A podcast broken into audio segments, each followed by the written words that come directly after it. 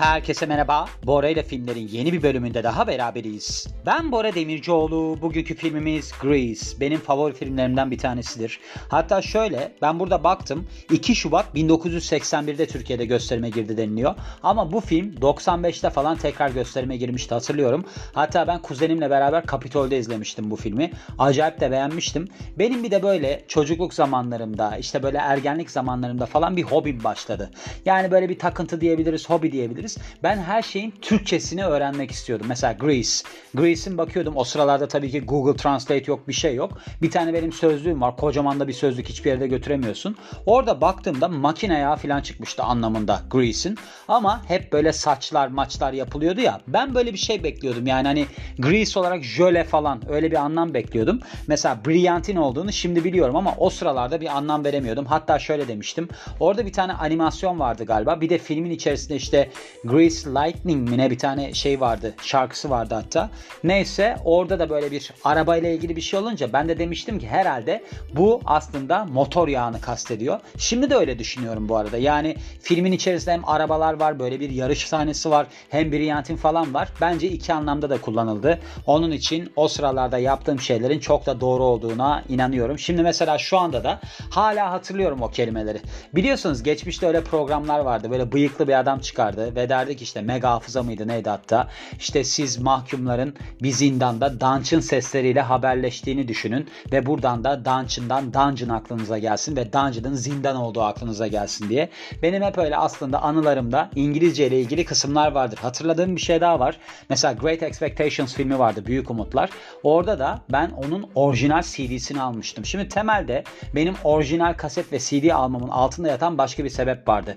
Bu aslında onların şarkı sözlerinin olmasıydı. Şarkı sözlerine ben bakardım. Oradan işte anlamlarını anlamaya çalışırdım. Yani dediğim gibi benim 95-96 yılında hiç böyle konuların yani şu andaki gibi şarkı çevirilerinin falan olmadığı bir gündemde ben bunları yapmaya çalışıyordum. Komik şeyler de var mesela. İşte Great Expectations'ın ben o sözlerini çevirdiğim kitapçığını bulmuştum. Phrasal verbs'leri falan böyle tek tek kelimeler olarak çevirmişim. Acayip saçma sapan anlamlar çıkmış. Yani bu Bora neler çekti. Bakın bu Bora ile filmler, Bora ile biyografiler besin piramidi çıkana kadar ben gerçekten o kadar çok uğraştım ki bu dil işiyle. inanamazsınız. Hatta bir gün bir fırsat verilirse TEDx konuşması yapıp milyonların önünü açmayı düşünüyorum diyerek filmimize başlıyoruz. Şimdi Grease filmi 1978 yapımı. Süresi 1 saat 50 dakika. Müzikal komedi olarak görünüyor. IMDb puanı 7.2. Beyaz Perde 4.4 vermiş 5 üzerinden. Sinemalar.com 10 üzerinden 8 vermiş ve Google kullanıcılarının %83'ü bu filmi beğenmiş.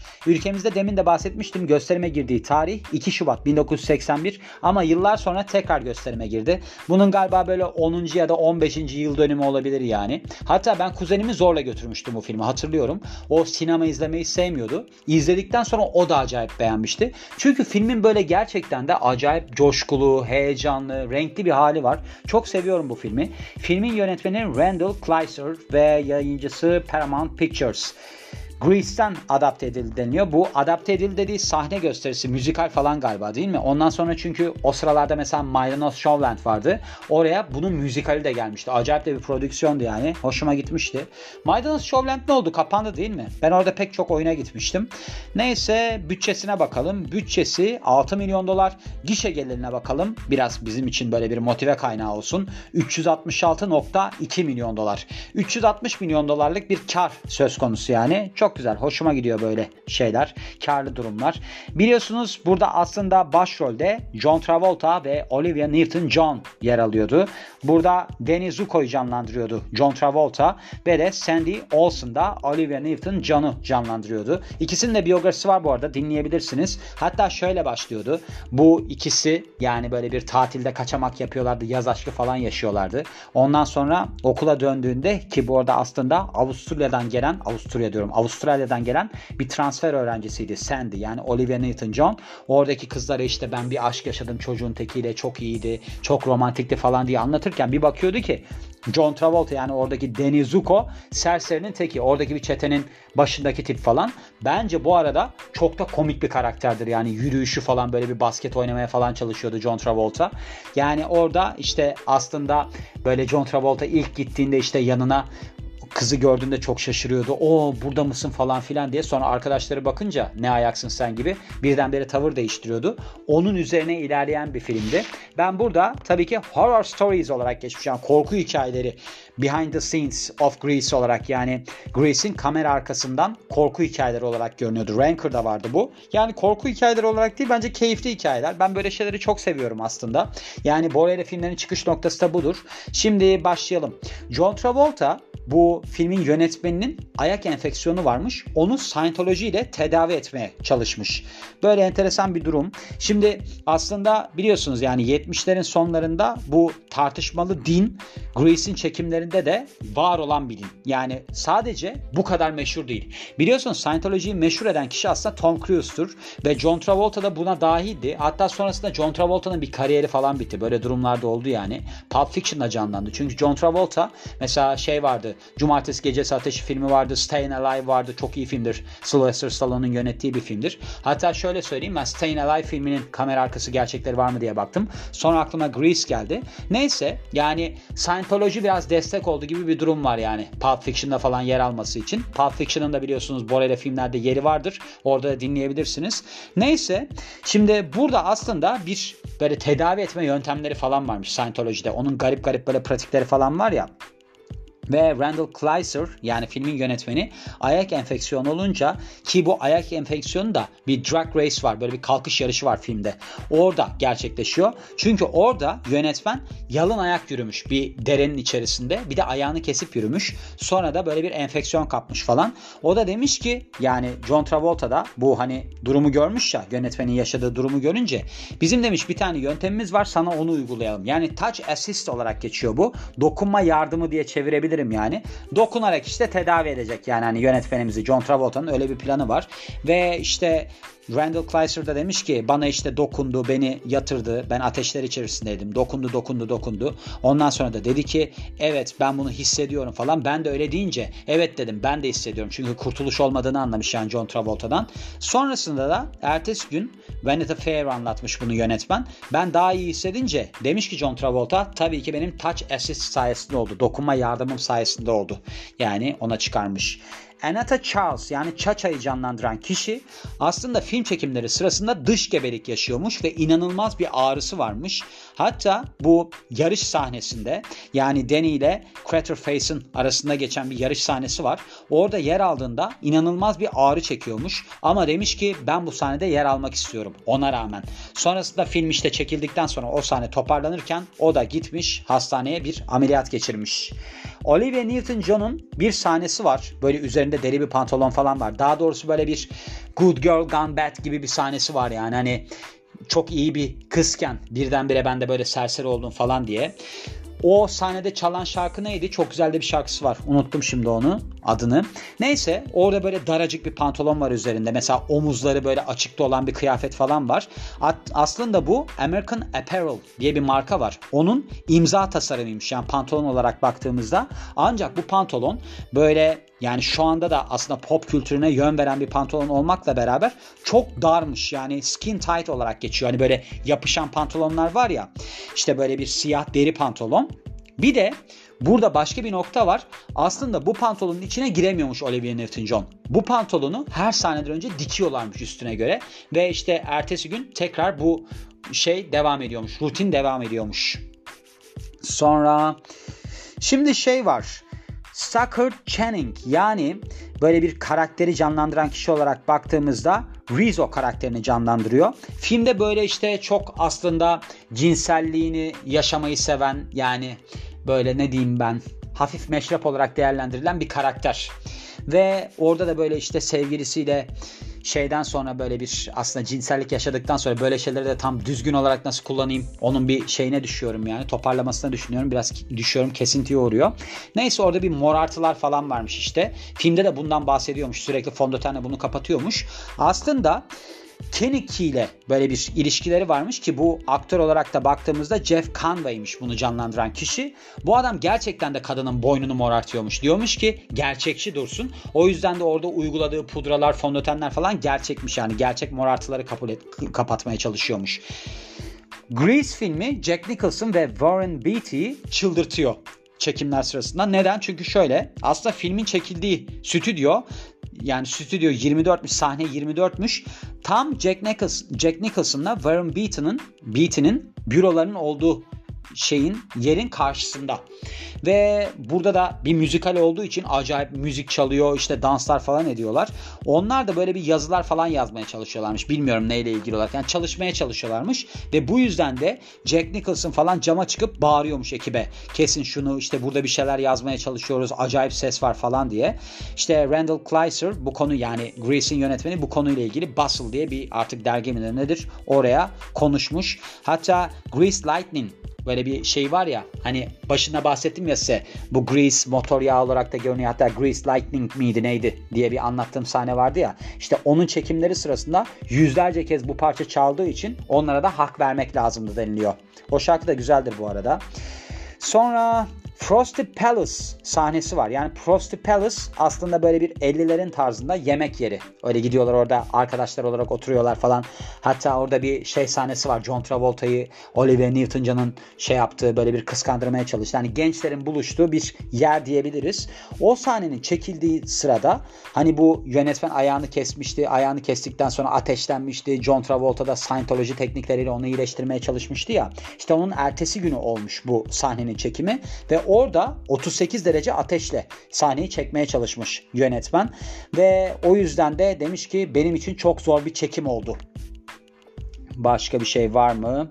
Şimdi bu Frosty Palace'da hani demin de bahsettim ya böyle bir Sandy'nin yani Olivia Newton-John'un John Travolta'yı kıskandırdığı sahne var. Yani burada böyle bir sporcu bir çocukla buluşuyor falan. İşte böyle yani John Travolta'nın haberi olsun diye elinden geleni yapıyor. Burada yemek yedikleri bir sahnenin arkasında Coca-Cola reklamı var ve bu Coca-Cola reklamı aslında olmaması gereken bir reklam. Neden? Çünkü Grease'in yapımcısı Alan Carr Pepsi ile bir anlaşma imzalıyor. Yani ürün yerleştirme anlaşması imzalıyor ve tabii ki bu arkada duran Coca-Cola reklamı çok büyük sorun yaratıyor.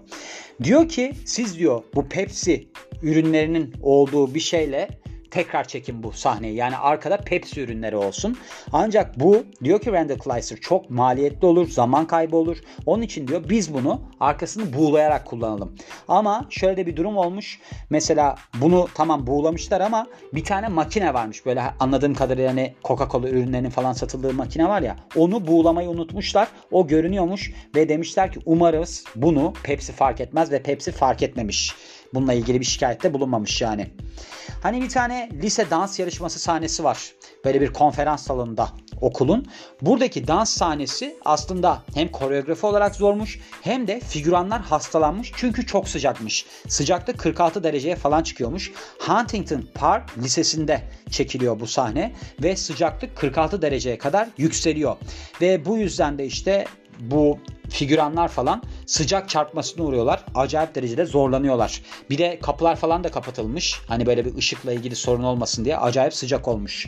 John Travolta'nın bir arabalı şey sahnesi var. Sinema sahnesi var bu filmde. İzlemişsinizdir belki. Orada işte galiba Sandy ile bir tartışıyorlardı. Öyle bir şey oluyordu. Öpmeye çalışıyordu. Sandy istemiyor muydu neydi? Öyle bir şey vardı yani hatırlayamıyorum.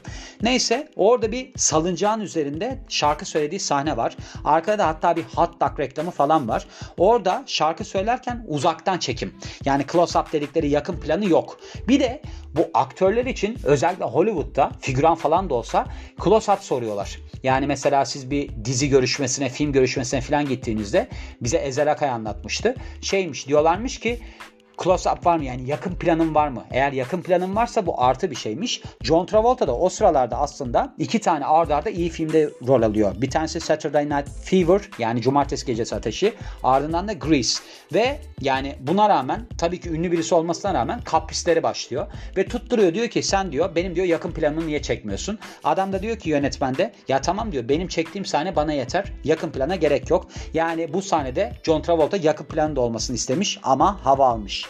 Jeff Conaway ilginç bir hikaye. Grease Lightning sahnesi çekildikten sonra uyuşturucu bağımlısı oluyor. Şimdi burada Keniki karakterini canlandırıyor. Keniki mi, Keniki mi bilmiyorum nasıl okunuyor. 1978 yılında ünü yakalıyor. Yani buradaki aslında karakteri canlandırdıktan sonra Jeff Conaway. Ancak sonrasında uyuşturucu ve alkol bağımlılığı gelişiyor. Bunun sebebi de bu sahneymiş. Çünkü bu sahnede bir aktör yani başka bir aktör bu adamı Jeff Conaway'i düşürüyor. Arabanın üstünde böyle danslar falan ediyorlar. Orada düşürüyor ve düşürdükten sonra omurgasında bir zedelenme oluyor ve ağrılar sebebiyle uyuşturucu bağımlısı oluyor. Yani daha, daha doğrusu ağrı kesici bağımlısı oluyor. Sonrasında bu olay gelişiyor. Alkol bağımlılığına, uyuşturucu bağımlılığına evriliyor ve 2011 yılında bağımlılığına teslim olarak hayata veda ediyor 60 yaşında. Çok enteresan gerçekten. Yani mesela vücut geliştirmede de bu çok vardır. Ben antrenör olduğum için o olaya çok hakimimdir. Mesela bunlar sintol denilen bir bileşik enjekte ederler vücutlarına. Böyle kasları yani bu bir yağdır aslında. Yağ enjekte ederler kasın içine daha böyle hacimli dursun falan diye. O acayip ağrı yapar ve onların çoğu ağrı kesiciye bağımlı hale gelirler. Yani mesela bazıları işte intihara meyilli oluyor, intihar ediyor, ölüyor, ölüyor. İşte böyle durumlar vardır yani ağrı kesiciye bağımlı olmak. Aynı zamanda estetik bağımlılığında da morfin bağımlılığı gelişir. Çünkü sürekli estetik ameliyat olursanız tolere edemezsiniz. Çok ağrınız olur. Çünkü onun iyileşme süreci falan var ya orada bağımlılık gelişiyor. Onlar da sonra kafa gidiyor yani. Öyle durumlar olabiliyor.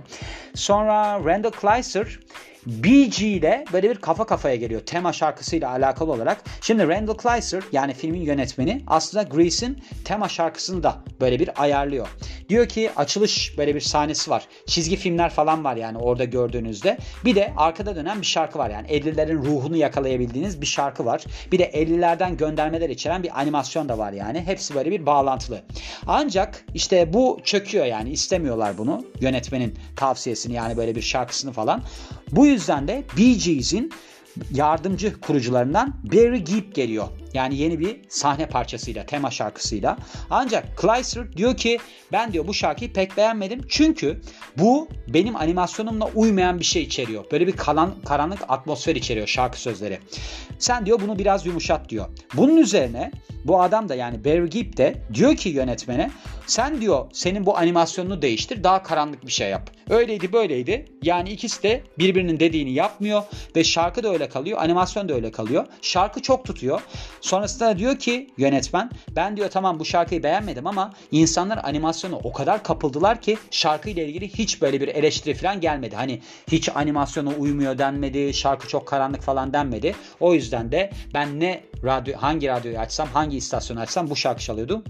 memnunum demiş. John Travolta aslında hani demin bahsetmiştim ya size Jeff Conaway bu Grease Lightning şeyinden sahnesinden sonra işte morfin bağımlılığı geliştirdi, uyuşturucu bağımlılığı geliştirdi filan diye. Bunun sebebi temelde John Travolta'nın da kaprisiymiş. Yani sahneyi çalmasıymış. Bu Grease Lightning şarkısını aslında Jeff Conaway seslendirecek. Fakat John Travolta şarkıyı çok beğeniyor ve yapımcıları ikna ediyor. Diyor ki ben bu şarkıyı söyleyeyim. Eğer ki bu şarkıyı John Travolta söyleseymiş adamın öyle bir düşme durumu falan olmayacakmış ve belki de hayatı boyunca böyle bir şeyle alakalı olarak sorun yaşamayacakmış. Ama John Travolta daha ünlü olduğu için şarkıyı o söylemiş ve bu adam da düşmüş. Jeff Conaway de sonrasında da işte bağımlılıklarla hayat boyu mücadele etmiş. Gördüğünüz gibi böyle bir film, böyle kamera arkası gerçekleri olan bir film. Çok güzel bir filmdir. Ben bu filmi çok beğenirim. Müzikleri de inanılmaz güzeldir bu arada. Yani danslar, müzikler, her şeyiyle çok güzel bir film. Ben çok beğeniyorum bu filmi. Onun için de izlemenizi tavsiye ederim. Yani mesela 90'dan sonra doğduysanız falan bu filmi bilmiyor bile olabilirsiniz. Ama 80 kuşağıysanız muhtemelen izlemişsinizdir. 70 kuşağıysanız kesinlikle izlemişsinizdir diye düşünüyorum diyorum ve bu filmin de sonuna geliyorum. Beni dinlediğiniz için çok teşekkür ederim. Ben Bora Demircioğlu. Yeni bir filmde görüşmek üzere. Hoşçakalın.